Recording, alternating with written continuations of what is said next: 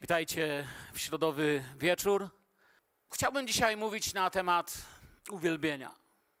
Może nie do końca to będzie to, co y, wydaje się nam, że y, da się powiedzieć, kiedy chce ktoś mówić o uwielbieniu Boga, o tym, w jaki sposób go uwielbiamy, w jaki sposób przed nim stajemy. Chciałbym popatrzeć na to troszeczkę z takiej innej strony tego, na ile czy kim jesteśmy, kiedy wchodzimy w tą przestrzeń uwielbienia. Otwórzmy, zacznijmy od bardzo takiego mocnego wersetu, który coś bardzo jasnego mówi o uwielbieniu Boga, Jana 4, 23, 24. Lecz nadchodzi godzina i teraz jest, kiedy prawdziwi czciciele będą oddawali Ojcu cześć w duchu i prawdzie. To jest to, co tu podkreślam, w duchu i w prawdzie, bo i ojciec takich szuka, którzy by mu tak cześć oddawali. Bóg jest duchem, a ci, którzy mu cześć oddają, winni mu ją oddawać w duchu i w prawdzie. Dwukrotnie powtórzone w duchu i w prawdzie, że tak powinniśmy robić, że tak właśnie chce tego od nas ojciec. Krótko mówiąc, o co chodzi, jakie ma być to nasze uwielbienie. Bardziej głęboka definicja uwielbienia znajduje się tutaj. Wchodzimy jakby jeszcze głębiej, już po kolana. Wzywam was wtedy, bracia, przez miłosierdzie Boże, Rzymian 12. Ży- Wzywam was wtedy, bracia, przez miłosierdzie Boże, abyście składali ciała swoje jako ofiarę żywą, świętą, miłą Bogu, bo taka winna być duchowa służba wasza, a nie upodabniajcie się do tego świata. Ale się przemieńcie przez odnowienie umysłu swego, abyście umieli rozróżnić, co jest wolą Bożą, co jest dobre, miłe i doskonałe. Uwielbienie, czas uwielbiania to jest moment, kiedy, y, kiedy to, to jest taki czas, kiedy kładziemy coś przed Bogiem. To ma być czas, kiedy przychodzę przed oblicze Boże i przed Nim coś kładę. Ciała, żywa ofiara. To dogłębi coś prawdziwego. Złóżcie ofiarę żywą, piękną, świętą. Jesteśmy wzywani w duchu, w prawdzie. O co tutaj chodzi? Wiecie, nic nie jest podobne do metod świata, czyli tego, co podziwiają tłumy, tego, co oklaskują tłumy, sposobów, które się podobają tłumom i to, co lansuje ten świat. I nie da się tego zrobić, gdy przyjdziesz przed Boże oblicze byle jak. Jeżeli przychodzisz przed Boże oblicze byle jak, to jest absolutnie nie, nie, nie, nie, niezdolny jesteś nawet do jakiegokolwiek uwielbienia, do oddawania Bogu czci. Myślimy, że może czasami, czemu Bóg chce, żeby w kościele było uwielbienie? Czy, czy Bóg się czuje taki ważny? Czy, czy czuje, że, że naprawdę w jakiś sposób potrzebuje posłuchać, nie wiem, naszych piosenek, czy przyjąć naszą służbę? Ja myślę, że to jest zupełnie sposób patrzenia, gdybyśmy spoglądali na to w ten sposób.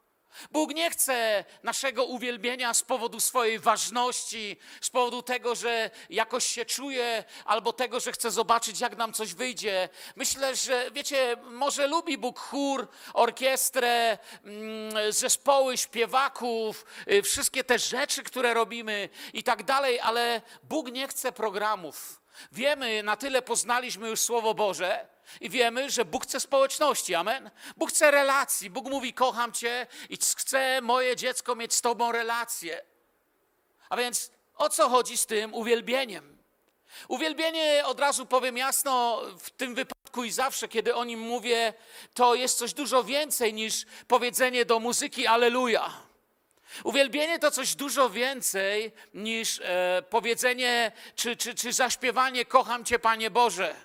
Albo przyjdź Duchu Święty, wszystko dziś oddaję i tak dalej. To jest coś dużo więcej niż słowa pieśni wyuczone na pamięć, czy coś, co robimy dla Pana Boga. Kochani, uwielbienie to wyrażanie miłości. Słyszymy? Uwielbienie to wyrażanie miłości. Prawdziwie w duchu i w prawdzie mamy uwielbiać. Prawdziwie można uwielbienie wyrażać tylko w miłości, jeżeli nie masz miłości do Jezusa. Jeżeli nie pokochałeś Go najbardziej na świecie, możesz mieć problem z wyrażaniem swojego uwielbienia dla Pana. Powiem to prościej. Cokolwiek kochasz, to będzie widać, jak to kochasz. Zgadza się? Czy masz psa, czy chomika, czy akwarium? Czy masz jakieś hobby? Czy w końcu pośród tych rzeczy, czy mówisz ludziom, że spotkałeś Jezusa? To, na ile kochasz to, co masz, to, co kupiłeś, czy Boga, który Tobie się objawił, wszystko, cokolwiek kocha, kochasz, od, od Boga zaczynając, przez żonę, rodzinę, męża, dzieci, Twój dom, zwierzątka, które masz w domu, hobby, wszystko. Jeśli człowiek coś kocha, to po prostu widać, że to kocha. Widać, że jest temu oddany, o tym mówi, o tym myśli, stara się o to i troszczy. Każdy uwielbia. Każdy, nawet najbardziej niewierzący człowiek coś uwielbia. Pośród wszystkich bilionów ludzi na tej planecie nie ma ludzi, którzy by nie uwielbiali.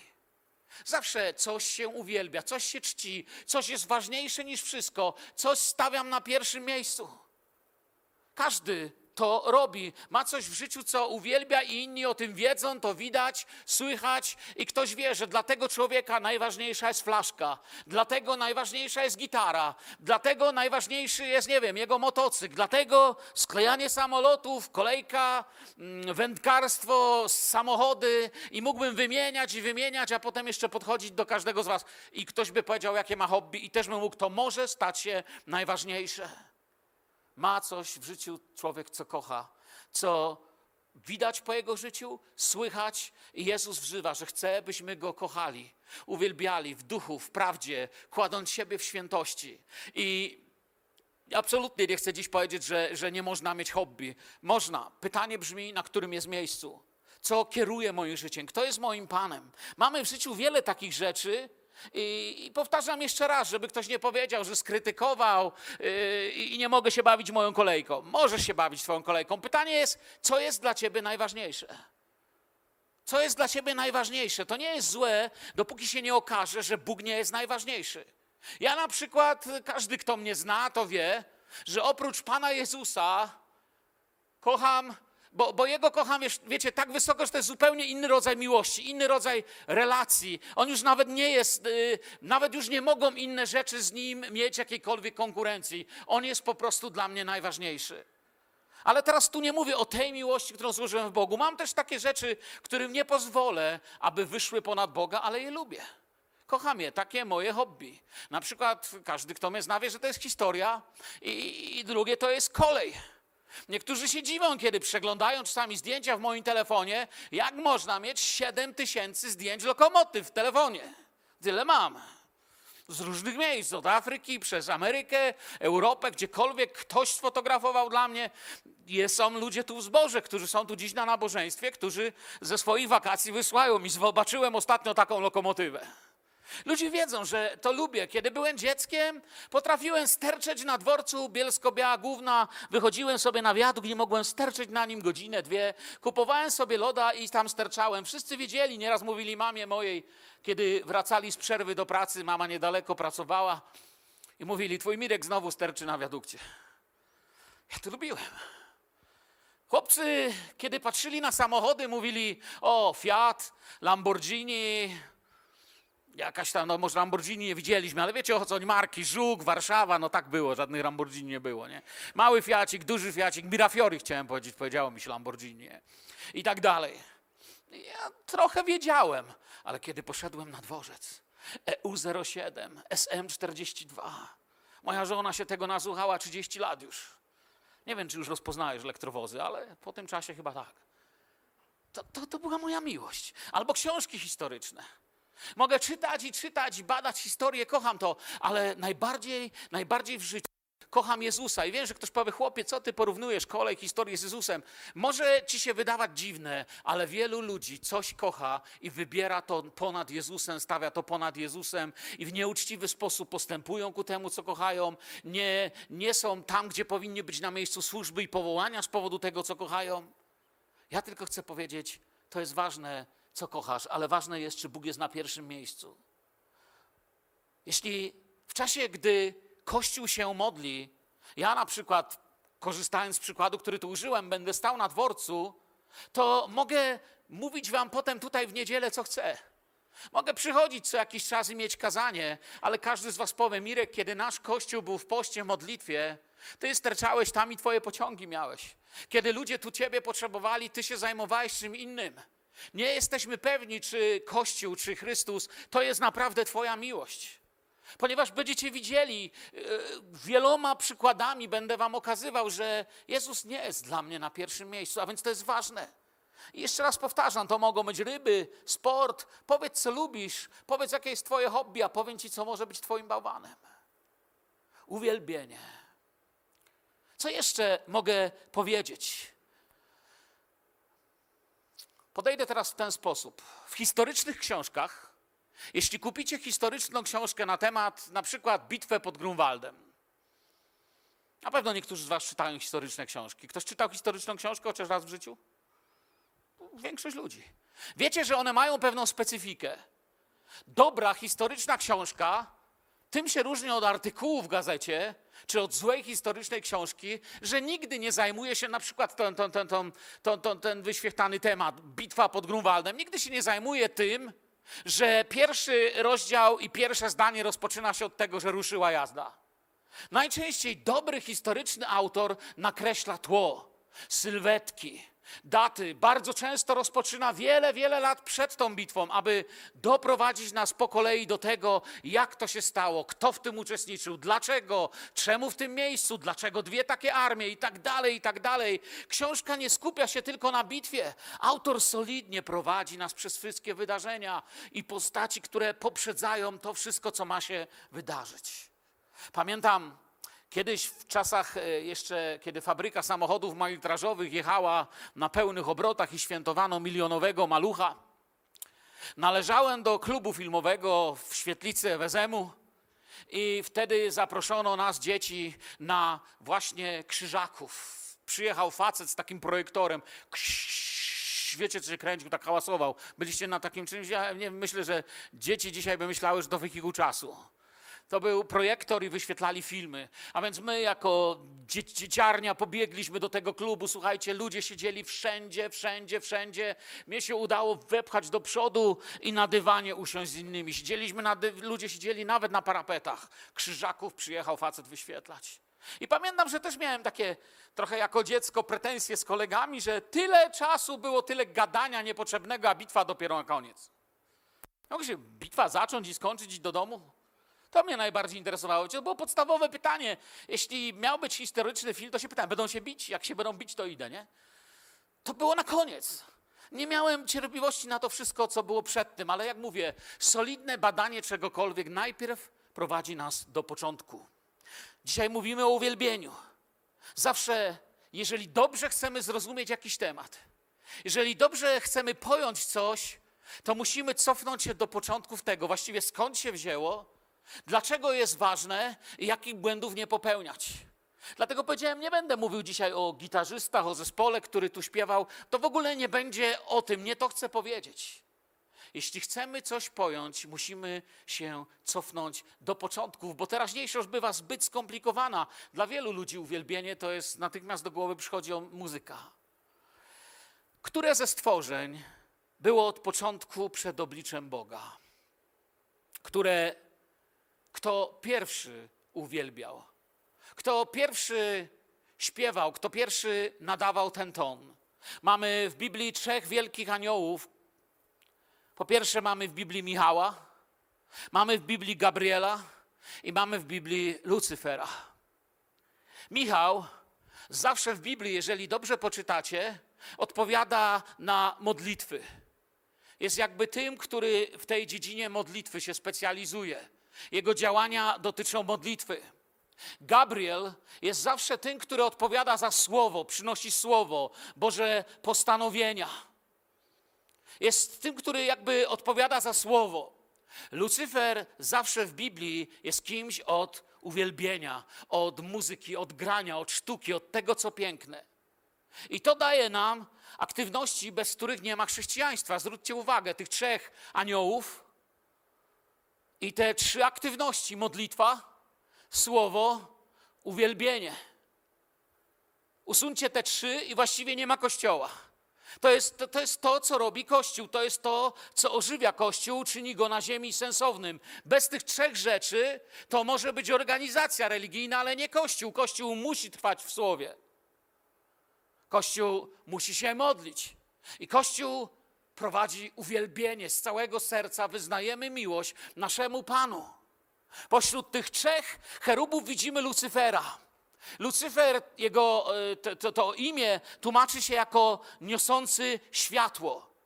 To właściwie są dwa słowa. Lux, czyli światło z łaciny, i fere, czyli nieść. Stąd mamy na przykład nazwę luxfera. Żeby ktoś nie był fanatykiem i nie wymontował luxfery dzisiaj. Ale z tych łacińskich słów mm, to się wzięło. Od tego mamy luxfera, a po hebrajsku to zupełnie inaczej brzmi gwiazda poranna. Samo słowo Lucyfer w ten sposób, jak my je znamy, w tej, powiedziałbym, chrześcijańskiej mm, kulturze, pojawiło się najprawdopodobniej po raz pierwszy w wulgacie, czyli w tym łacińskim przekładzie dokonanym pod koniec IV wieku przez Hieronima. Kto był w Betlejem, można zwiedzać prawdopodobnie właśnie tą grotę, w której Hieronim y, tłumaczył Biblię dla sobie współczesnego świata, przekładał na łacinę, aby ludzie mogli czytać Słowo Boże. I imię to znajdujemy w Izajasza, później tam przejdziemy, jeszcze teraz tam nie idziemy, w 14 rozdziale, potem tam wrócimy, obiecuję. W oryginalnym tekście hebrajskim to Helel ben Shahar. Helel oznacza planetę. Większość mówi, że Wenus, zaś Ben Shahar to świetlisty syn poranka. Nieraz, kiedy myślałem na temat Lucyfera, to pierwsza myśl, kiedy człowiek trochę poczyta, przychodzi do głowy, dlaczego ktoś, będąc otoczony absolutnym dobrem, absolutną doskonałością, decyduje się na absolutne zło, czyli próbę obalenia Boga, zasiadania na Jego tronie i przejęcia Jego roli. Cała Ziemia, w sensie jakim chcecie, przyrodniczym czy moralno-politycznym, jest pod wpływem tego upadku i tego zła, które dokonało się przez Lucyfera. Odpowiedź jest taka jak zawsze, gdy mówimy o upadku, bo ktoś pyta, ale ciekawe, czemu to zrobił. Ja sobie też zadaję.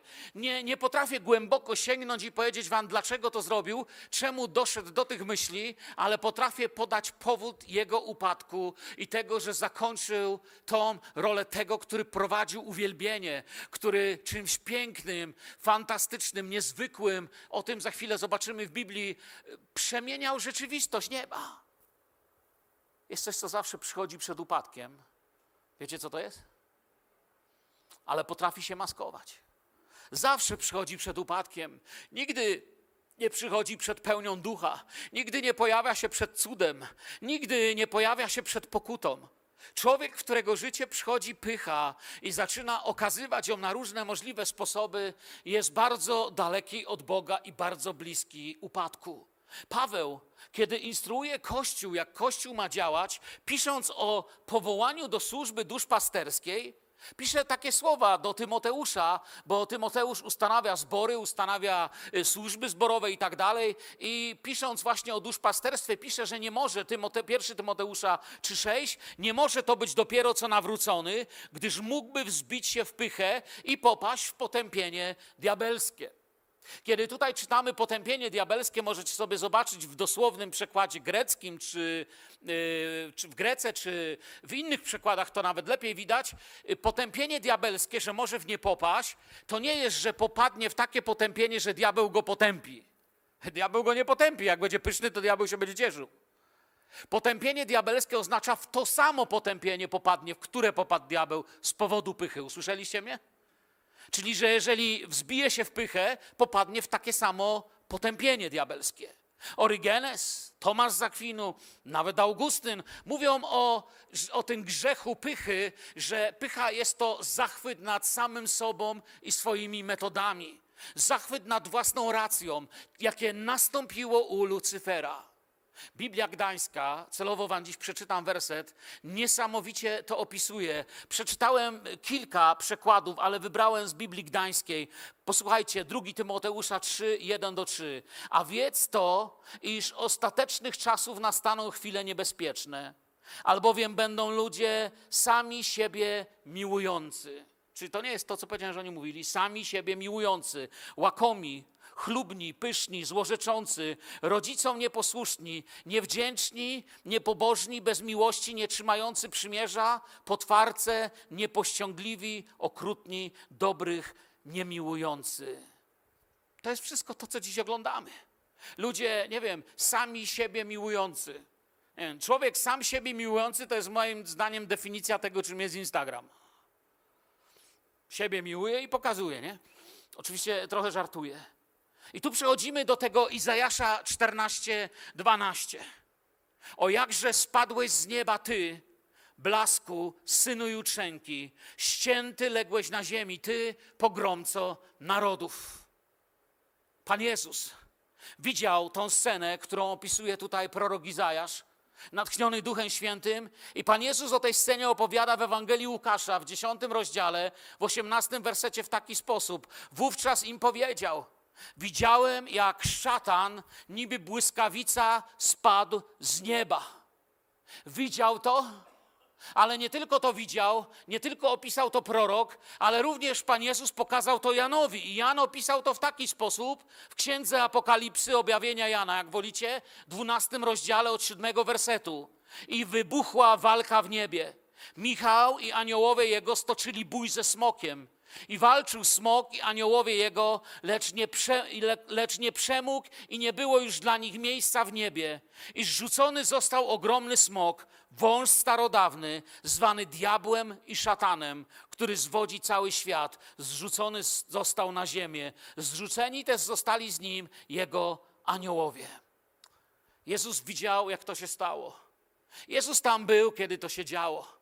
Gdyby tutaj dzisiaj siedział i podeszlibyśmy, powiedzielibyśmy mu, gdyby, żeby nam to opowiedział, mógłby nam jeszcze dokładniej to opowiedzieć, jak to było. Był obok tej sceny. Coś się stało w niebie z tym, który odpowiadał za to, co piękne, za uwielbienie, za sztukę, za muzykę. Widział, co się stało i wiedział dlaczego. Widział, jak Lucyfer stawił się przed Bogiem i jakie miał plany. Przyszedł kiedyś gdzieś tam, w tej wiecznej przestrzeni Królestwa Bożego w niebie moment, kiedy Lucyfer stawił się przed Boży tron i nie był już tym, kim miał być. Nie potrafimy chyba jako ludzie sobie tego tak dokładnie, wiecie, każdy nasz rysunek czy film, który byśmy o tym zrobili, byłby ograniczony.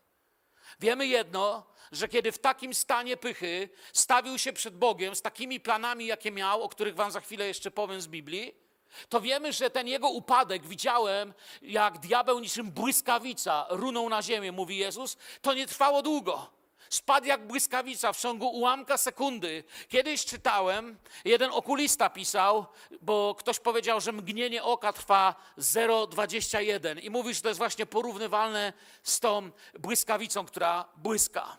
Nie wiem, ile w tym jest prawy, ale, prawdy, ale to, to jest bardzo szybko. Nie trwało długo, spadł jak błyskawica. Bóg się nie musiał z nim jakoś długo zmagać. To nie była jakaś straszliwie, wiecie, długa, trwająca, nie wiadomo ile lat bitwa.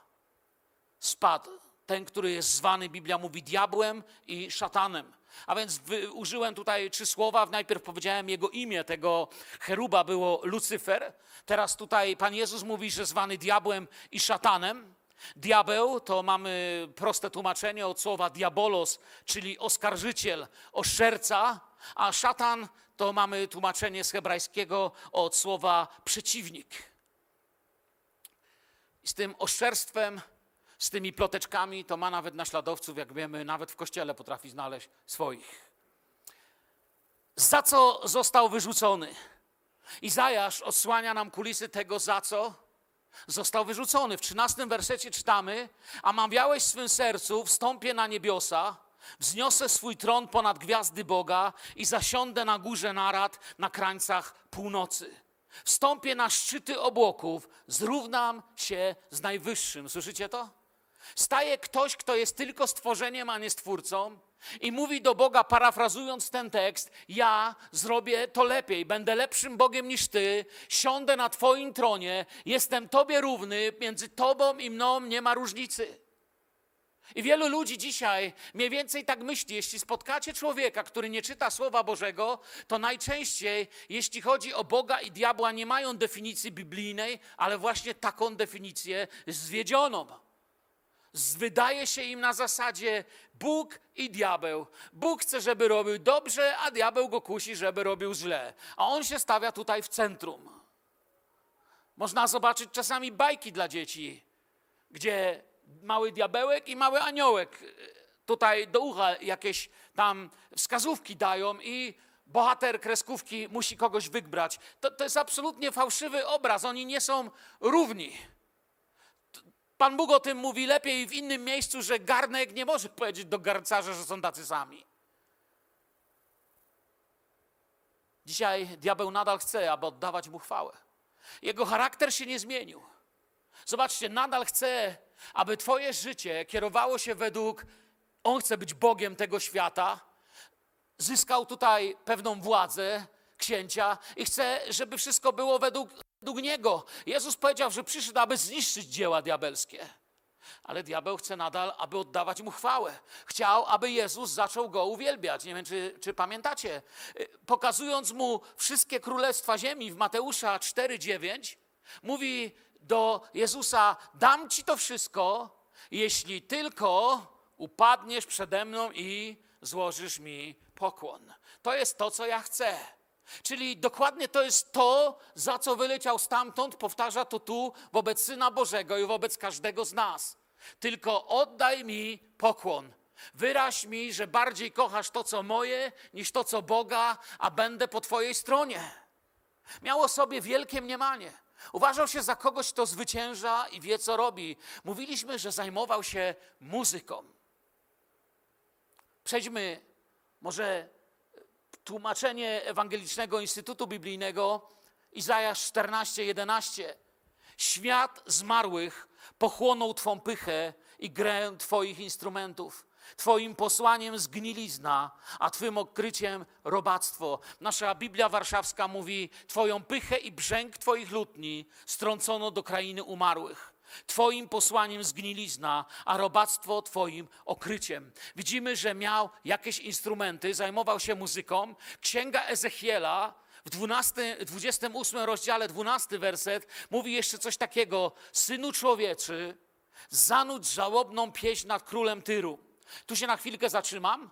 Tu nie chodzi o króla Tyru. Absolutnie nie chodzi o tego władcę, który stacjonował w Tyrze. Zaraz coś zobaczymy. Powiedz mu, tak mówi wszechmocny Pan. Byłeś najwyższą miarą mądrości i piękna. Przebywałeś w Edenie. W tym ogrodzie Boga każdy drogocenny kamień zdobił Twe okrycie. Słyszycie, co mówię? Zapamiętajcie to. Każdy drogocenny kamień zdobił Twe okrycie. Karneol, topias, topas, jaspis, chryzolit, beryl, onyks, szafir, rubin i szmaragd. Ze złota były Twe dzwonki i ozdoby. Pamiętacie szatę kapłana? Czekały na Ciebie w dniu Twojego stworzenia. Ciekawe, jak Bóg mu przypomina, w dniu Twojego stworzenia to w tym dniu, kiedy Cię powołałem do życia. Wiemy, że nie chodzi o króla Tyru, ale był duchowym praobrazem y, tej nauki na temat Lucyfera.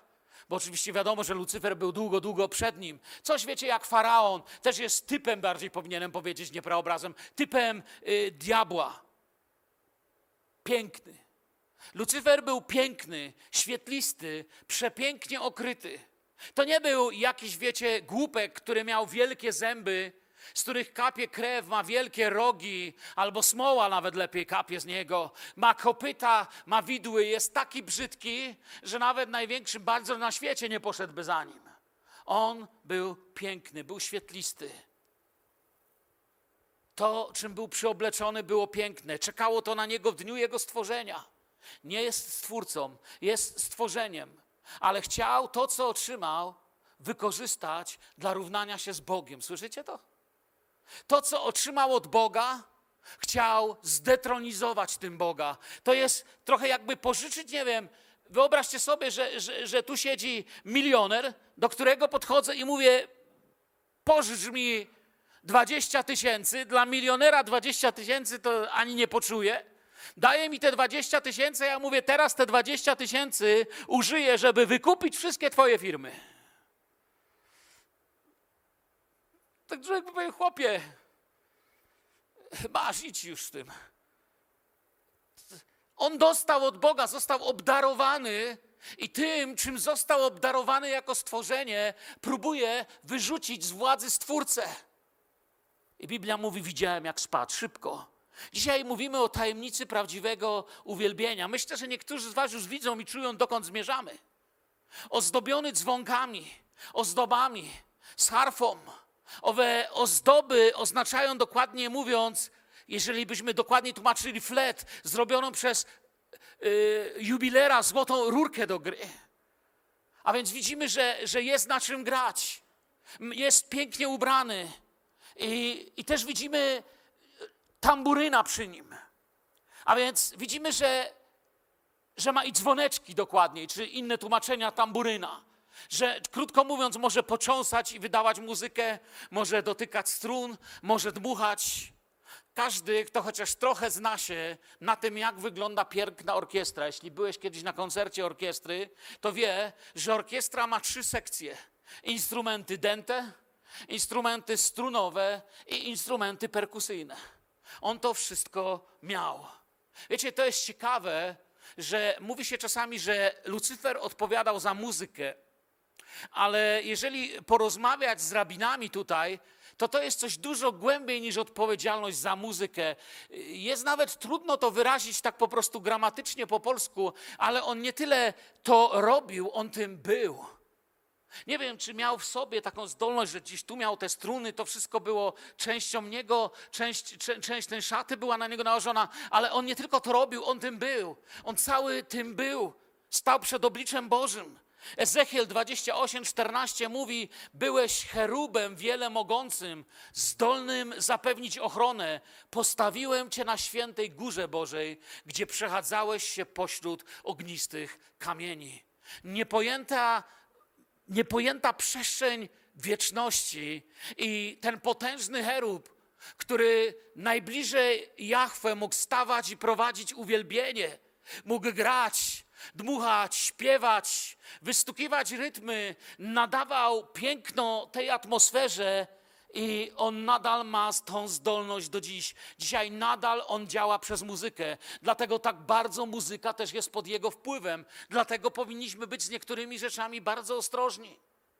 Ezechiel o nim pisze dalej, zobaczmy na niego, 28-15. Byłeś też nienaganny w postępowaniu od dnia, w którym zostałeś stworzony, aż do chwili, gdy odkryto w tobie niegodziwość. Kiedy to się stało, Jezus tam był. Widział, jak to się stało, a my już wiemy, jak to się skończyło. Wiemy, za co odpowiadał, czy czym był.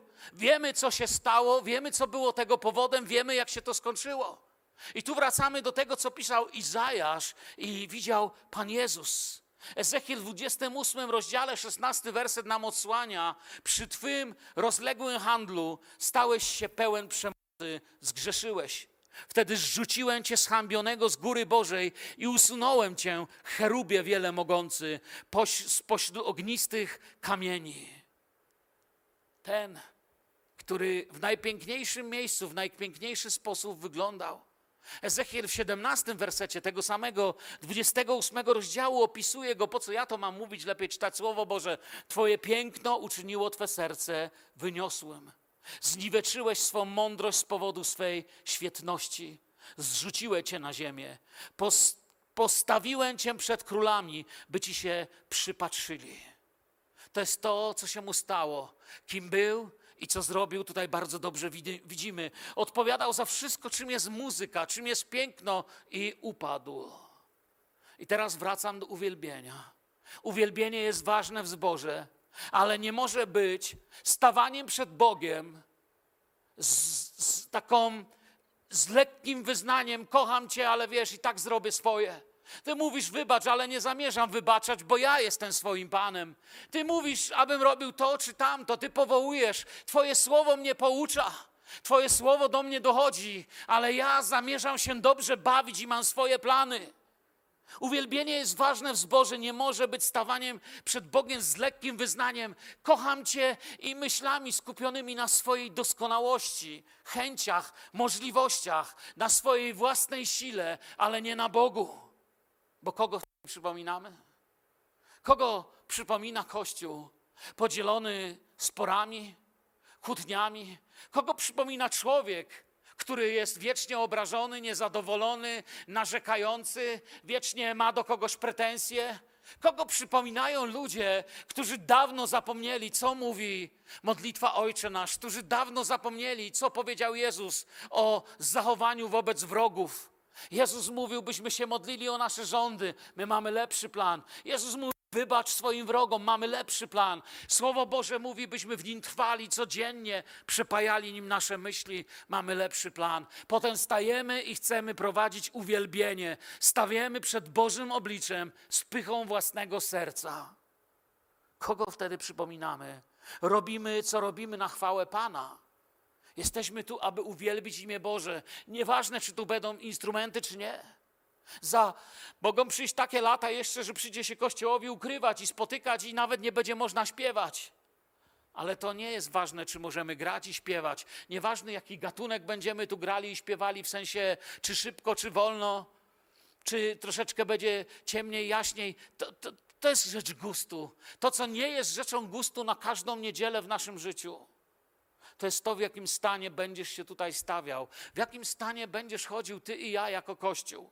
Mam zdolność do tego, aby przechadzać się i moją pychą się cieszyć, aby tak jak diabeł zachwycać się, ile Bóg dał w moje ręce, ile dostałem od Boga błogosławieństw i zamierzam je wykorzystać teraz dla swojego własnego dobra. Mogę chodzić i emanować tą pychą i nie zauważyć nawet, kiedy stracę relację z żywym Bogiem, daleki od słowa Dlatego ważne jest, by nam słowo przypominało, jesteś powołany do uwielbienia Boga. Możesz śpiewać, wydawać dźwięki, możesz klaskać, wydawać te, te rytmy, skakać. To jest coś głębszego. Aż przyjdzie ten cudowny dzień. I wtedy zobaczymy, dlaczego uwielbienie jest takie ważne. Dlaczego Bóg położył to w ręce Kościoła. Jeżeli Kościół nie będzie uwielbiał na tym świecie Pana Boga, to na tym świecie naprawdę nic go nie uwielbi. Na tym świecie wszystko jest przeciwne Jemu. Nas powołał, byśmy Go kochali, wywyższali, służyli. Obiecał, że przyjdzie po nas i zabierze nas do domu. Amen. Ja czekam na ten dzień i pragnę, byśmy byli Kościołem. Moje marzenie jest być, wiecie, takim tutaj, tak służyć, żeby wielu z Was mogło to zobaczyć tak służyć razem z braćmi, razem z wami, bracia, siostry, by wielu w tym mieście mogło to zobaczyć. Takie mam marzenie. I pewnego dnia przyjdzie ten dzień, kiedy go spotkamy, wtedy zobaczymy, czemu uwielbienie jest takie ważne. Objawienie Jana 21:9 mówi: Potem przyszedł do mnie jeden z siedmiu aniołów, którzy mieli siedem czas napełnionych siedmioma ostatnimi klęskami, i powiedział: Chodź, pokażę ci pannę młodą, małżonkę baranka. Aleluja. Działy się złe rzeczy. Ale kiedy my czytamy objawienie, my nie widzimy tych wszystkich złych rzeczy. Dla nas objawienie jest obietnicą tego, że śmierci nie będzie, smutku, narzekania, że spotkamy tych, których chowaliśmy ze łzami, że wyruszymy y, tam do prawdziwego domu Ojca. I przyszedł do mnie jeden z siedmiu aniołów, mówi Jan. Chodź, pokażę ci pannę młodą, małżonkę baranka. I wiecie, co następne wersety mówią? Jeżeli dzisiaj w domu dokładnie sobie poczytacie to słowo, następne wersety mówią, że jest ona okryta przepięknymi szatami. Jest okryta przepięknymi szatami nieba. I mamy te same kamienie, które wcześniej miał ten, który był odpowiedzialny za uwielbienie. To ona nosi tą szatę. Pamiętacie niebiańską szatę Lucyfera? Była darem w dniu stworzenia. Nie donosił jej, nie wychodził, nie wytrwał w tym uwielbieniu. Teraz ją widzimy, kiedy pokazuje Janowi tą oblubienicę Chrystusa. Ona jest przepięknie przyodziana i jest szczere, szczere uwielbienie.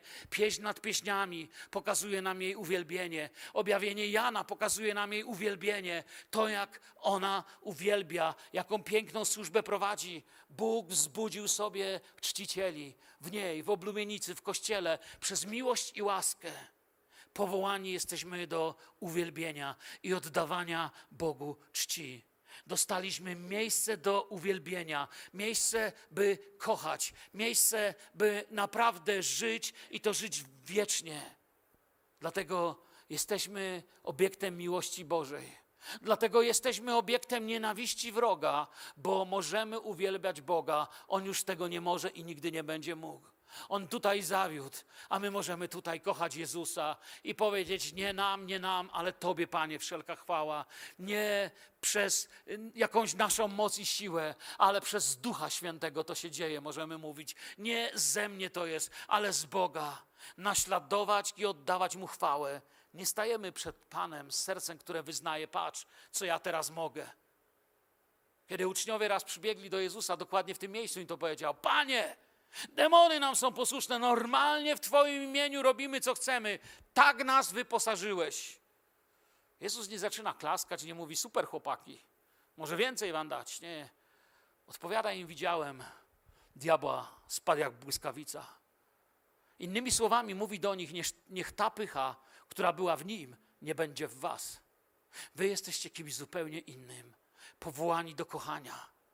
Zobaczymy, jak uwielbienie jest ważne. To nie jakieś lekko traktowane zadanie, nieistotny dodatek. To jest audiencja u króla w cudownej szacie. To jest obietnica niebiańskiej rzeczywistości. On nas powołał dla swojej przyjemności i radości. Największym przykazaniem jest miłować Boga i z tego rozlega się chwała. Z tego rozlega się cała reszta. Wróg, wróg ma ciągle te same zdolności, ciągle chce dla siebie chwały. Widzimy go jeszcze potem trzykrotnie w tej chronologicznej historii biblijnej. Widzimy go w Edenie, widzimy go w księdze Hioba i widzimy go podczas kuszenia na pustyni Pana Jezusa. Zawsze gotowy powstrzymać kogoś od oddawania Bogu chwały, bo sam utracił tą zdolność. I widzi, że Kościół tą zdolność ma, lud Boży ją ma. W Edemie namawia do lekkiego traktowania słowa. Mówi, a ty na pewno tam powiedział, znacie historię. W wypadku Hioba chce, by Bóg był przeklęty, uznany za kłamcę i odrzucony. Mówi, tylko spróbuj, a zobaczysz. Wszyscy tak jak ja, tylko dlatego koło ciebie są, bo coś z tego można mieć. Tak parafrazując jego zarzuty podczas kuszenia na pustyni chce znowu dla siebie chwały, nieposłuszeństwa względem słowa i modlitwy. To nadal jego cele, cele, aby nam zabrać uwielbienie, abyś się stał nieposłuszny słowu, abyś się stał zniechęcony życiem, abyś się stał kimś, kto zacznie przyglądać się z większą uwagą diabelskiej ofercie w zamian za chwałę i odrzuci możliwość uwielbienia Boga zacznie poszukiwać swojej chwały i swoich przyjemności i stanie się tym, czym On. A my, my jesteśmy stworzeni, aby oddawać Bogu chwałę. Jesteśmy stworzeni, aby tutaj stawać z czystym sercem. I jeśli widzisz zaniedbanie w Twoim życiu w tej dziedzinie, czas na pokutę. Nie może być tak dalej, żebym tu przychodził, a nosił w sobie jakąkolwiek kłótliwość, niewybaczenie, jakieś skażenie, żebym przez tydzień żył jak ten, który był przeciwny Bogu, a w niedzielę udawał, że tak nie jest. Dla Lucyfera nie ma takiej szansy, ale dla nas trwa czas łaski. Myślę, że przyjście Pańskie jest blisko, ale Bóg tłumaczy nam przez Piotra, dlaczego jeszcze nie przyszedł. Nie dlatego, że zwleka, ale patrzy na ten świat i mówi: Może jeszcze jeden człowiek dziś, może jeszcze jeden. Bo nie chce, by ktokolwiek myśli, dziś jeszcze znowu ktoś gdzieś, od najgłębszej meliny do pałaców królewskich, ktoś gdzieś przyjmie Jezusa i wyzna, przyjdź do mojego życia, Zbawicielu. I znowu całe niebo się raduje. Jeśli czcimy coś lub kogoś innego oprócz Boga, wobec Boga popełniamy wtedy cudzołóstwo. Bóg powiedział, nie będziesz miał innych bogów obok mnie, przede mną. I to jest ważne przykazanie. Jeśli coś jest ważniejsze w priorytetach niż Bóg, to jakie jest nasze uwielbienie? Jeśli coś jest ważniejsze w priorytetach niż Bóg, to tam idzie najwięcej energii, tam nasze myśli i czas idą. Zostawiamy dla tego wszystko.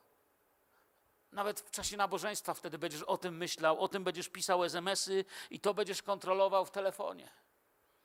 Ja nie czepiam się teraz tych z Was, którzy używają telefon w czasie nabożeństwa, ja też używam. Też robię często notatki i sprawdzam Biblię. Ja mówię o tym, kiedy moje myśli nie są skupione na Panu. Kiedy moje myśli są gdzieś indziej, bo coś innego jest ważne dla mnie. To znaczy, że to jest nasz Bóg. To może być, nie wiem, kariera, rzeczy.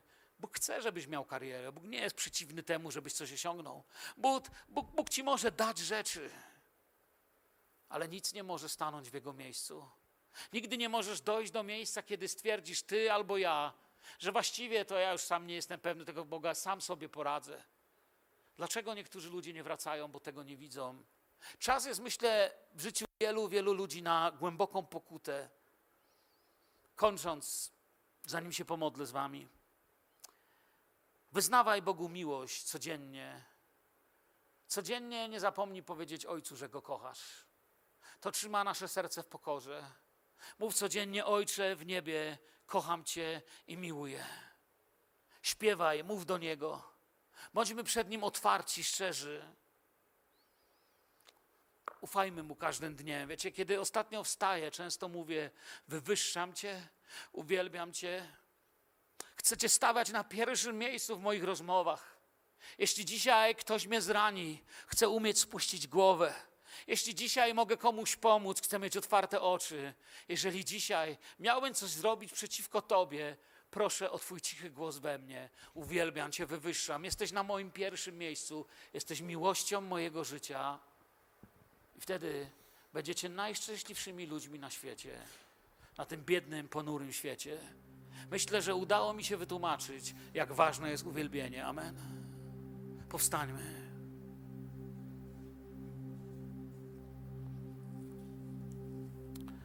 Ojcze, dziękujemy Tobie. Dziękujemy Tobie za Twoje zbawienie. Dziękujemy Tobie za Twoją cierpliwość. Dziękujemy Tobie za Twoje słowo. Proszę Ciebie, Panie, jeżeli jest ktoś dziś na tym miejscu, kto widzi, że stawia się tutaj, kto stoi przed Tobą, może nawet ręce podnosi, może nawet znamy teksty pieśni, ale jeśli ktoś tutaj jest, do kogo Duch Święty dzisiaj mówi: oddaj chwałę Bogu, odsuń wszystko, co zabiera Jego czas, co odsuwa Cię od słowa, od służby, od Twojego powołania. Panie, pomóż tej osobie, która tu dzisiaj jest, która to czuje. Pomóż tym, którzy gdzieś tam słuchają nas może przez internet i właściwie czują, że, że Ty nie jesteś na pierwszym miejscu. Że są rzeczy, które wszystko, co Twoje, mogłyby zmienić, bo są ważniejsze. Panie, prosimy Ciebie. Daj nam dar, który obiecuje Twoje słowo, dar mądrości, rozumu. Pragniemy być ludźmi bojaźni Bożej przed Tobą. O Panie, tak chcecie umieć kochać. Umieć Cię kochać, Panie. Wybacz, że, Panie, niezdolni jesteśmy jako ludzie kochać tak, jak Ty umiłowałeś nas. Ale ucz mnie kochać tak, jakbyś chciał być przeze mnie kochany. Kocham Cię, Panie, i wywyższam Twoje imię. Dziękuję Ci za zbór, który mi dałeś, za braci, za siostry, za mój dom, za cudowne życie. Dziękuję Ci, Boże. Tak warto było Cię spotkać. Tak cudownie jest żyć w Tobie. Chwała, chwała i cześć. W moim sercu, Panie, jest radość. I proszę Ciebie, niech ta radość, którą wlewasz w serce, wyleje się na wielu z nas.